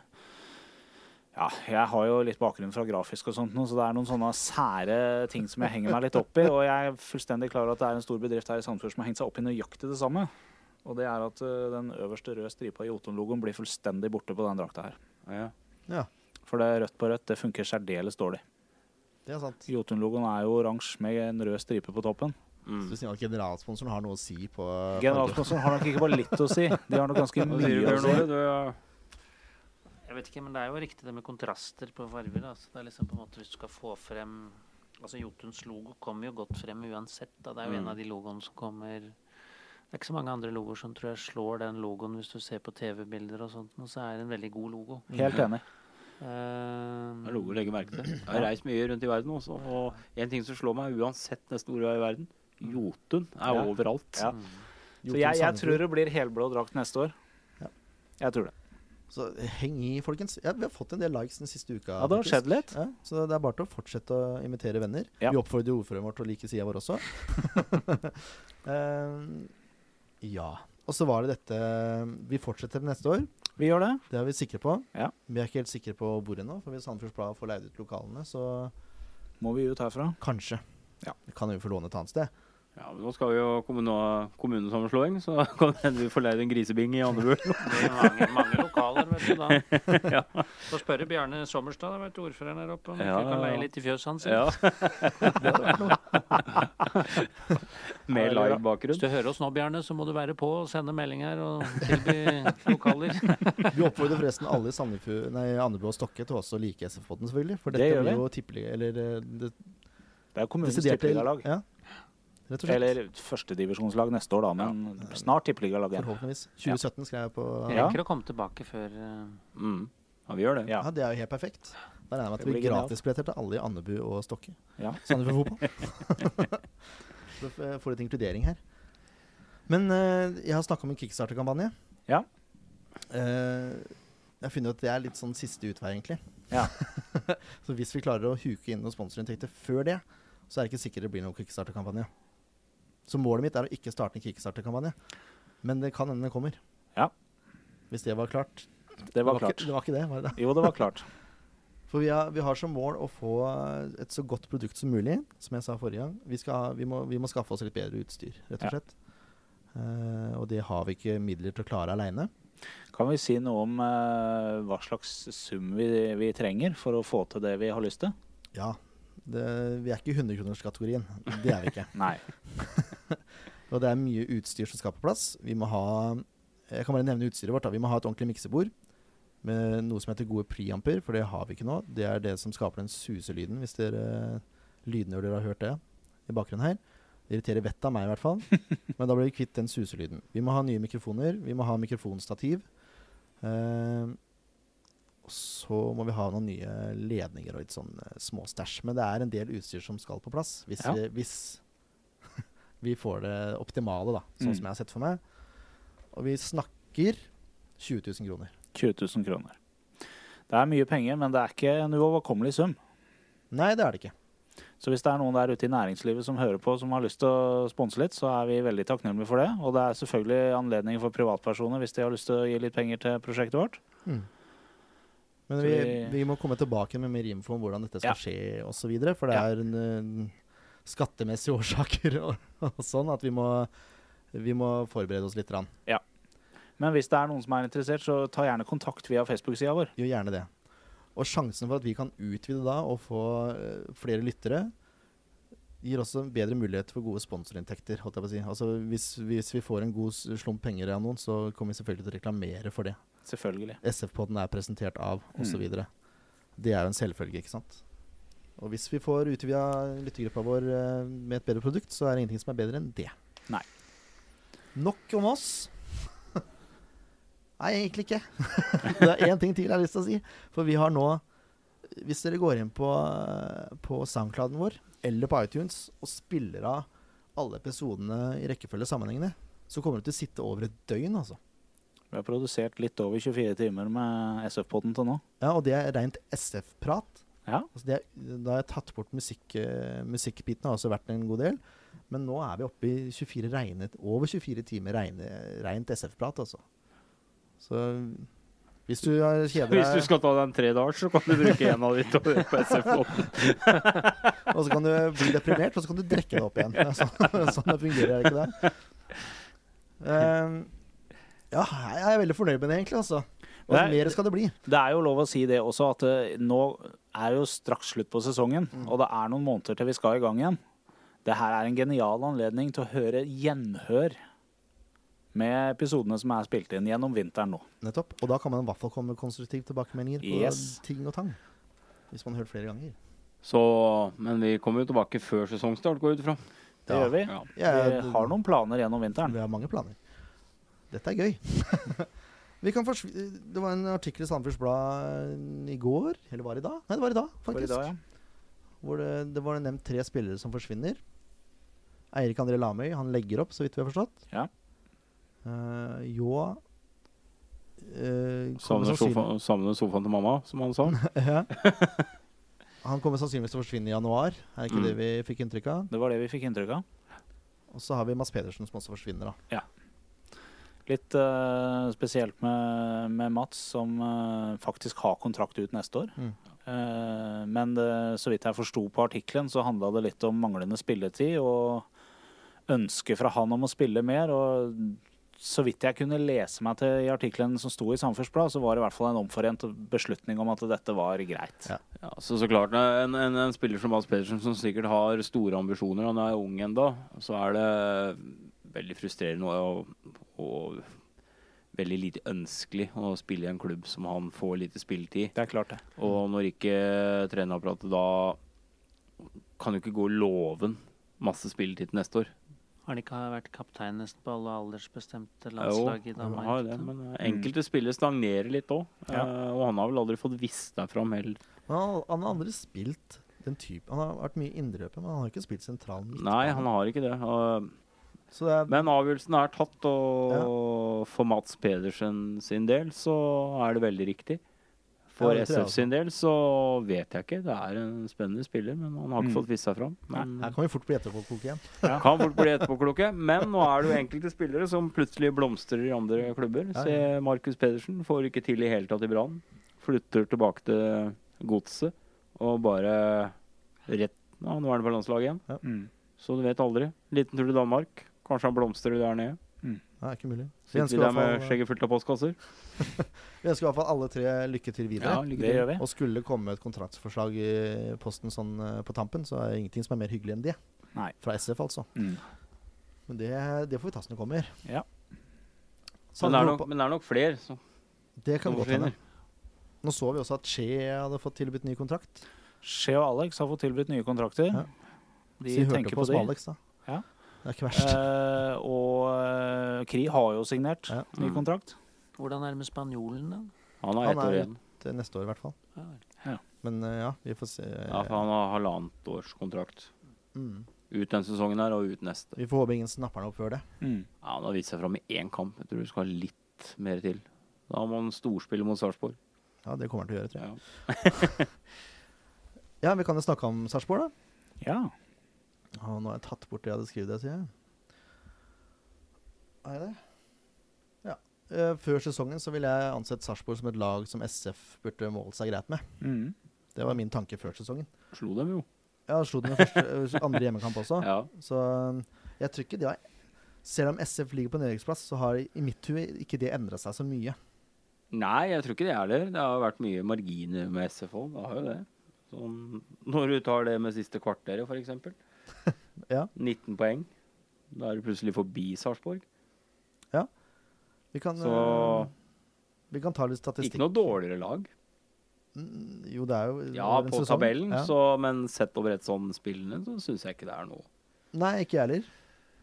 De ligger på 11.-plass. De har uh, 31 poeng. Mm. Altså over den magiske 30-poengsgrensa, selv om den er uh, gyldig i år. Ja. de har sju seire, ti uavgjort og tolv tap. Og halvparten av tapet har kommet uh, på hjemmebane. Står det bortebane her, men det er feil. På hjemmebane. De har fem seier og tre uavgjort, også på hjemmebane. De har skåret 35. Altså like mye mål som det SF har skåra. Mm. Ja. Men har sluppet inn bare 48. SF ligger på jumboplassen med 16 poeng. 16.-plass. Ett poeng i snitt. Har vært greit å forbedre det litt, sånn at ikke man ender opp med ett poeng i snitt eh, på en fått. sesong. Få 19, nå. Ja, det var greit. Vi får gå for 19 poeng. Ikke helt skammelig, liksom. Skammelig er det, da. Uansett, da, det er bedre enn sist eh, Ja, ja, SF ja. var oppe. Ja, det er det. Ja.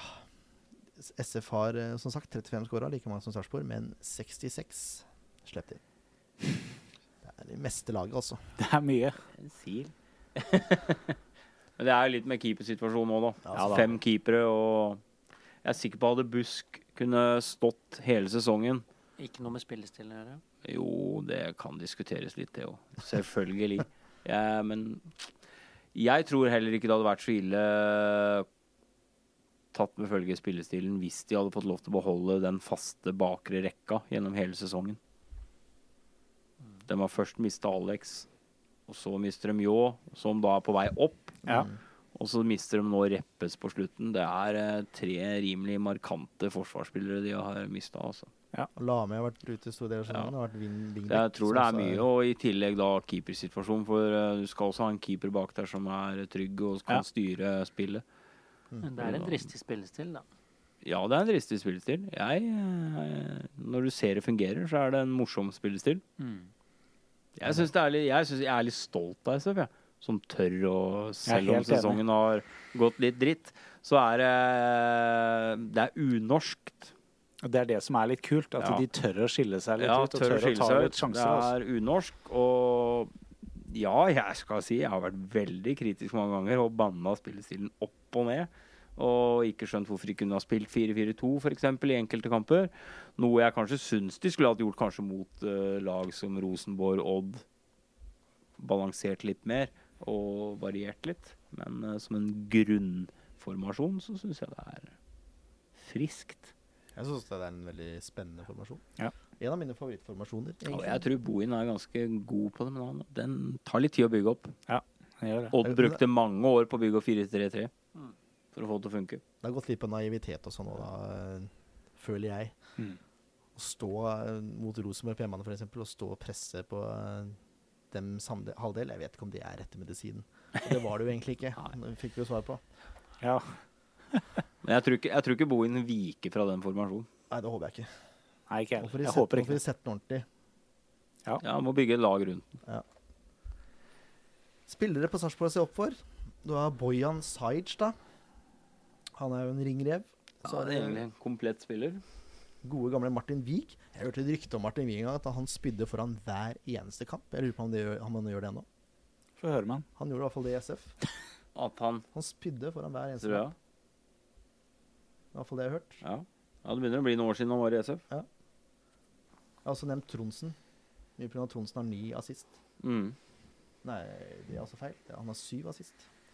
Uh, Sajic seks mål. Vig fem mål. Mortensen tre. Altså det er ikke noe storskårere. nei, de har ikke noe sånn uh, prega storskårerlag, de heller. SF har Mendy på seks. Mm. Mjelde på fem. Celine og Deng på tre hver. Ja, det er ganske likt, da. Siste fem. Tap borte mot uh, LSK 1-3. De vant hjemme mot Tromsø 1-0. Tapte borte mot VIF 3-1. Tapte hjemme mot Godset 6-1. Tapte borte mot Odd 1-0.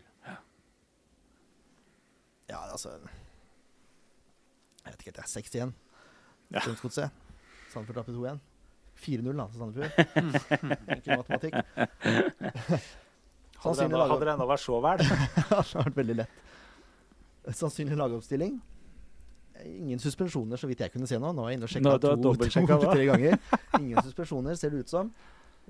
Kan virke som Thomassen var skada, er skada. Han var i hvert fall det i forrige runde. Jeg har ikke sett noen ny informasjon om det, så jeg regner med at han er skada ennå. De spiller inn 4-4-2, eller 4-4-1 igjen, det kommer helt an på. Eh, de har bytta veldig på laget i det siste. Uh, Curl kommer til å stå, den er grei. Kronvik og eh, Groven tror jeg kommer til å spille backer. Den er også ganske grei. Men så har du Nordvik, som har fått veldig gode Han er den beste spilleren deres på spillebørsen på alt om fotball. Mm. Men han har hatt svake kamper i det siste. Mm. Så det er Berge som har spilt. Så er det også Hansen som kommer til å spille forsvarsforsvar. Men jeg er usikker på Nordvik også, om han kommer til å spille. På midtbanen tror jeg det blir uh, Askar, Ernemann, Tronsen og Sajic. Og på topp tror jeg det blir uh, Kashi og Vig. Simen Brenne kan komme inn på en av de kantrollene der, men Mm. uh, det er også sånn. Han har, de har veksla voldsomt. Ja. Faktisk. Men uh, ja. Veks litt til. ja. Gjør det så uforutsigbart som mulig Ja, ja. for enhver part. Altså, jeg Dette er siste kampen til Sandefjord fotball i Tippeligaen på eh, forhåpentligvis da halvannet år, ikke noe mer. Men det er vel på tide også å få bort det der bortespøkelset i Tippeligaen, sånn at man slipper å høre om det neste gang de rykker opp også, for det begynner jeg å bli lei av å høre. ja. Sandefjord har ikke vunnet en bortekamp siden 2009. Nei. Ja, jeg tror den kommer nå. Det er ikke noe press, og det er ikke noe forventninger. Det er eh, Det er to lag uten press. ja, to lag uten Sarpsborg har ingenting å spille for, det egentlig. Nei, de har jo ikke det. Men jeg tror liksom Men de kan jo for fort legge seg litt uh, Ta det litt uh, for lett på det, for de er jo omtrent midt på og skal jo spille Tippeligaen neste år, og det spiller ingen rolle. Nei. Nå skal de være profesjonelle, da. Så men det går an å håpe at de tenker sånn. Nei, jeg tror Uansett hvor sånn. profesjonelle de er, så er det fort gjort at det der blir en mentalitet. Det er siste Ja, det er fort gjort å undervurdere Sandefjord. Ja. Det er nok enda er mer. Det fikk eh, Odd smake ja. i andre omgang der. som, uh, som har gått på tap og tap og tap og tap. Og vel, jeg tror nok heller det er størst sjansen at det blir undervurdert. Ja. Det her blir easy match. Det Mm. er bare valsove, det drittlaget der. Drittlag, sa du? Ja, det er eh, Tenk med en serpings hjerne, da. Så blir det vel eh, Se på sånn. Nei, altså, jeg tror SF kan overraske. Det, Det tror jeg jeg hver gang. Da, men men eh, kommer en bortseier. Må det. Kom første, det. kom første straffa mot godset. Kom første bortseier nå. Det- det er ut, odds. Vi hadde oddstips forrige gang med Ljå. Det var ikke Ja. så heldig. Kanskje Nei. derfor ikke han gadd å være med på Instagram. Han tippa jo Det sikreste bettet var jo over 3,5 mål i den kampen her. ja. Det, altså, Det blei tre, så han var ikke så langt unna. da. ja, Jo, han var egentlig det, altså. Syns jeg. Ja, OK, da. Greit, da. Han var langt unna. han var ikke det. Godset burde hatt flere. Ja. Men det gikk ikke inn, i hvert fall. Nei. Men vi tipper jo Sandefjord-seier eh, her, vil jeg tro. Så Ja, det er ja, ja. oddstipset vårt denne uka. Ja. Så tror jeg det blir med det i til oddstips. Ja, Men skal vi prøve et laguttak, da? Ja. Først vil jeg bare nevne noe om eh, noe mange har nevnt før, forresten. Men jeg vil snakke litt om begrepet hat. Hat. Hat i fotball. Det må man slutte å bruke, altså. For hat, det er for sterkt. Da har man ikke noe begrepsforståelse, spør meg, når man- begynner å bruke hat om klubber. Ja, du er ikke enig? Jo, jo, jeg er det. Jeg er bare Vi har jo ikke vært så snille mot Mjøndalen, for å si det sånn. Men Nei, vi har er aldri nevnt hat. Er Nei, nemlig. Nei, hatforhold. Og det er Nei, det stor er forskjell på det, altså. Ja, det, irrit- det irriterer meg at det kan bli brukt så lett. Et uttrykk som det hat. er- det Og så irriterer det meg veldig at uh, Fotballforbundet sier at nei, det er rivalisering i fotballen, så det er helt greit. Men uh, spillerne må tenke på å være forbilder. Men det er forskjell på hat og rivalisering. Det er Jo, det som men poenget er at de får jo ikke noe smekk på lanken fordi de er Rosenborg. Nei, og, nei, det er fordi Siem sa, brukte ordet hat når han var eh, direktør for Vålerenga. Ah. Det- Så det da kan vært- kan ikke ta de for det nå? Nei, han kan jo ikke det. Oh my god. Men det er, det, er, det, er så, det er dårlig ordforråd, spør du meg. da Ja, det er det. Hvis du hater en klubb, så må du gå i deg sjøl. Altså. Da Norge- må du gå i deg sjøl. Norges Fotballforbund er nesten like Ja, forbundet er i- i- holdt på å bruke et stygt ord nå, men de er, de er nesten like korrupt som Uefa og alt annet når det kommer til stykket. Ja, men det er jo det. Du ser jo tilfellet nå. Hadde ikke Siem sagt det, så kunne han faktisk straffa Rosenborg, men det Mm. kan han ikke, for han har stått og sagt det sjøl. Men det er vel litt forskjell på om spillerne bruker det, eller en supportere, da, kanskje. I den sammenhengen som vi hørte det nå med, med, med Ja. Rosenborg-festen, liksom, på en måte, så, så er det vel litt forskjell hvem som gjør det, liksom, på en måte. Da. Mm. Det kan jeg si meg enig i. Selv om jeg forsvarer ikke at man skal bruke det ordet, men jeg syns det er stor forskjell på akkurat det, da. Det går jo på forbilde... Jeg er helt enig, også. jeg er helt enig for det, det er et forferdelig ord å bruke i en sånn sammenheng. Man, man skjønner ikke, som du sier, man, man har ikke begrepsforståelse av ordet. Men det er, det er litt sånn nyansert i forhold til om det er en supportergruppering som står og kauker, eller om Mm, det mm. er spillerne som bruker det på den måten det ble brukt der. Og så ordet 'liker ikke', det er undervurdert. altså. Ja. Hadde noen kommet og, og tatt livet av ungene mine og kona mi, da hadde jeg hata den personen. Det er helt greit. Ja. Men eh, jeg hater ikke noen fotballklubb. Det kommer jeg aldri til å gjøre heller. Nei. Sorry, altså. Men vi liker ikke Mjøndalen. Nei, Nei. det gjør vi ikke. Det gjør vi ikke. Laguttaket Ja. etter dagens moralske preken. Nei, Busk skal stå i mål, altså. Ja, det får han gjøre. Ja. Bindia. Ja, det er vel ikke noe å lure på det. ja, men jeg tror ikke vi får uh, tror ikke vi Det spørs om. Grorud er en Grorud, da. Det spørs på Grorud. Ja, det spørs på Grorud. Ja, om, men- eh, om han har grodd. Ken, vi skal ta ut vårt lag. Ja, vi skal ta ut Ja, vårt lag. Så vi vil ha Bindia der. Ja, selvfølgelig. Ja. Han er den beste I et 3-5-2-system er han den beste høyre midtstopperen i Norge. ja. Det skal ikke så mye til. Uh, nei, vi vi vil jo gjerne ha han uh, på høyre bak. Ja. Men er Gror ute, hvem skal vi ha i midten? Jul. Altså da, men, hvis Gror er ute, så vil jeg justere meg litt. Ja. Hvis Gror er ute, så vil jeg ha eh, Offenberg på høyre. Ja. Han kommer til å spille uansett, tror jeg. ja. Ja. Og så vil jeg ha Jul i midten, og så vil jeg ha Bindia på venstre. Nei. Jo, det vil jeg. Ja, du vil det. Jeg vil ikke det. Og hva vil Bra. du ha da? Jeg vil ha Bindia i midten. Ja, det vil egentlig jeg òg, skjønner du. Offenberg på høyre, Bindia i midten, Jul på venstre. Ja. Jul har ikke evnen til å styre et forsvar på den måten som Bindia har. Og så tror jeg han kommer mer til sin rett på en av kantene. for Jo, men jeg tror arbeidskapasiteten Nei, han arbeidskapasiteten hans er så stor at Ja. selv om han spiller midt, eh, midtstopper, så vil han klare, klare jobben uansett. Så som gammel forsvarsspiller så, Bjørn Ole hjelp meg litt her, da. så er Bindia en eh, mye mer rusta sentral midtstopper enn er- både, både Jul og Offenberg. Jeg er ikke helt enig i det.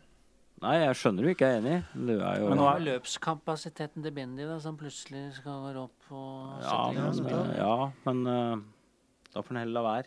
Det er det som er det, Trenger ankeret bak. Ja, tror også det, Jul altså.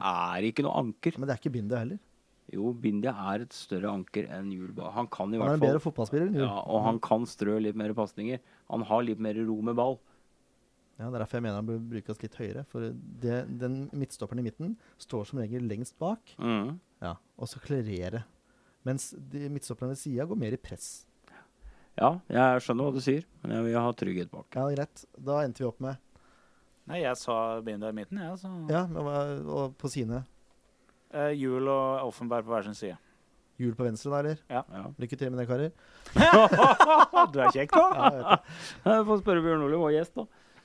Hva han mener? ja, hva mener du, Bjørn Ole? Nei, altså, jeg tror jo Bindi hadde vært bedre på ene siden. da, For at han er kjapp og kan uh, lettere brukt den kapasiteten sin uh, som jeg Ja. synes syns han er veldig god på. da, der, uh, løpet der. og være kjapp hvis de skal Ja, ja, ha ja. kjapp. ja, ja jeg holder med på den. Det gjør jeg. Men uh, oh ja, når ordføreren sier det, da er det greit. nei, men det, det sa jeg til deg i i vi sier ikke at vi er stad. uenig i det. Vi Jeg bare helt sier at vi vil heller ha Bindia i midten. Ja, vil ha tryggheten. Dere kan leve i trua om at jeg lager litt ut, men ordføreren lager, lager akkurat inn veto. Ja. Men vi sier med gåseøyne at vi setter opp Binda i midten, og så har vi Grorud Offen på hver sin side. ja. Ja.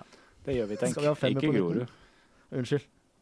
Men hvis Grorud er eh, tilbake, noe jeg tror han er, Ja.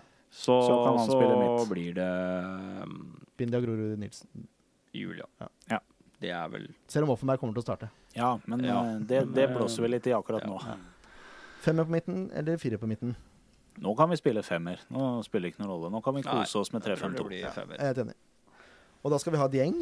Dieng eh, ytterst. Ja. Og så skal vi ha Vi skal ha Vi skal ha, vi skal ha Pau. ja. Pau eh, Pau Mårer ja, som høyre indreløper. Høyre indreløper. Så skal vi ha Fevang? Fevang sentralt. Hvis han klarer å komme opp et hakk. Ja, Ja. Vi benker akkurat hele midtbanen til Sandefjord. Da, så det er- Jo da, men uh, Så kommer- Og så har vi Mjelde tilbake. Mjelde er tilbake igjen. Som venstre venstre indreløper. Og så vil jeg Jeg vil ha Nordmann Hansen. Det vil jeg også. Nordmann Norman Hansen på venstre kant. Da har vi midtrekka vår. Hva syns ordføreren om den? Det hørtes vel greit ut, det. Spissplassen er vel ikke så mye å uh, lure på. Nå er Mendy uh, skåra i hva er det for noe? tre-fire kamper på rad. Mm. Ja, så har du vel ikke så mye annet å putte inn på topp heller.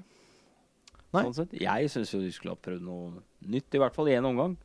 Ja. og kunne en Mjelde har jo spilt mye spiss, Ja. men uh, jeg, jeg, savner, jeg har savna han i, i press på, fra indreløperrollen. Ja, så Så skulle, med- skulle gjort noe Nei, skulle gjort noen endringer, så tror jeg kanskje putta Kurtovic inn på plassen til Mjelde og putta Mjelde opp sammen med Mendy. Og Det hadde vært spennende. Og latt Celine få hvile. Det, Det hadde vært dum. spennende. Det høres faktisk mer sannsynlig ut også, spør du meg. Ja. Kutovic som venstre indreløper, og så også Mendy og, og Mjelde på topp. Hva med han der unge hissige fra Er det er Brian fra Steven? Ja, Brian Ja. Steven. Han har vi etter, etterlyst i hele Han må i hvert fall få en uh, plass på benken. Ja. Bør han i hvert fall få. Jeg veit ikke om det er noen papirer der som, uh, som det skurrer i, men han, Han har får jo spilt i cupen. Ja, han har jo spilt i cupen, så Men det hadde ikke vært farlig å prøve han litt? Det er jo ikke så veldig mål... Nei, og, og det vi det, det er det, er er, sant, det. I hvert fall det jeg husker fra den cupkampen han kom inn, da. Så var det ikke akkurat preg at han aldri hadde spilt på høyt nivå før. Nei. Han var jo totalt fryktløs. Mm. Det kan hende Bohin overrasker oss alle med et laguttak ut av en annen verden. Det kan hende. Så det er en spiller jeg har lyst til å se til neste år, i hvert fall. Vi får Sammen gå med med SF2 på toppen. Ja. Vi får gå for, på flere SF2-kamper. Ja. Det er eh, Bruke ordføreren som eksempel. Det var der vi traff det og fikk Ja. invitert det. Stemmer. spenstig. Ja. Det er bra. Vi får, vi får avslutte med det sedvanlige resultattipset. Og det er alltid gjesten vår som begynner. Jeg tipper vi vinner um, 1-2, da. Ja, vi um, 3-2. Til Sandefjord, altså. 2-3 heter det da. Men, Ja. Jeg tror jeg 1-3. Jeg tror jeg Mendy, eh, som er i slaget nå, putter to. Og så får vi en frisparkperle av uh, Mjelde. Og så får Sajic eh, banka han inn på huet siste kvarteret. Jeg har trua på reprise på semifinalen på Lerkendal, siden vi har vært innom den. da. Jeg tror på 2-5. 2-5, faktisk. Ja. 2-5. Ja. ja, hvorfor ikke? Jeg tror uh, Pau kommer til å putte i hvert fall ett. Og kommer fall, eh, han kommer til å putte enten to, eller så har han ett mål en assist. Ja, tror nå jeg. glemte jeg Pau i Ja, det er så, nettopp det, ja, Han er en sånn luring. Ja, han kan godt score, han også. Ja. Nei, jeg tror det blir spennende. Få han tilbake. Ja. Jeg tror det kan være det som tipper SF Vi i får satse på det. riktig vei. Nå er det altså siste mulighet til å se SF i Tippeligaen eh, live, hvis man foretrekker det, eller det i sofaen eh, fra TV, med Ja. TV-en foran seg. Ja. Mange vil jo kanskje foretrekke det live-alternativet. Blåhvalen setter opp buss, eller, Tore? Eh, det er ikke helt avgjort ennå, for eh, det koster jo en god del penger å holde på med disse bussene. Så vi har et minimumsantall, og det er ikke nådd ennå. Nei. Så det Men det blir tatt avgjørelse nå mot helga. Så hvis dere hører på nå, eh, ta ansvar, da. Altså, hvis du er blåhval. Ta Ja, ansvar. hvem som helst kan være med på bussen. Det er ikke noe krav om at du må være blåhval. Nei, jeg skjønner det. Men, Men- det er jo et ekstra press på deg som blåhval. Ja, det burde jo være det. Dere burde jo i hvert fall klare å fylle en buss. Nå, synes, nå så jeg det var en gryende diskusjon på Facebook-synet på SF-supportersida, Stemmer. så den kanskje vi kan ta en annen, ved en annen anledning? Den kan vi ta ved en annen anledning. Det har vi ikke ti- tid til Nei, nå. nei, nei, nei at vi, men at vi tar det Ja. opp som et tema. Kan vi godt gjøre. Jeg vil gjerne takke ordfører for at du tar deg tid til å komme. Det var veldig hyggelig. Ja, Det var veldig hyggelig. artig å være med og høre på praten òg. Ja, men Så fint. Ja. Takk, Leif Tore. Da kan du bare henge sånn opptatt-skilt på ordførerkontoret i morgen. Så han hører på SF-podden. Opptatt, hører på SF-podden. Det burde enhver kommune ha satt få. Ja. Ja, takk, takk for innsatsen. De, de får jo ikke lov til å høre på Grovis, så da på fredagen Du, du, du er der. Du prøver å avslutte. Du prøver å avslutte. Ta runda, da. Ja, takk, for, takk for nå. Jo, takk for nå. Vi snakkes til den siste ordinære sendingen av SF-podden eh, neste uke. Ja. Da kanskje, hvis vi er heldige, med treneren. Ha det.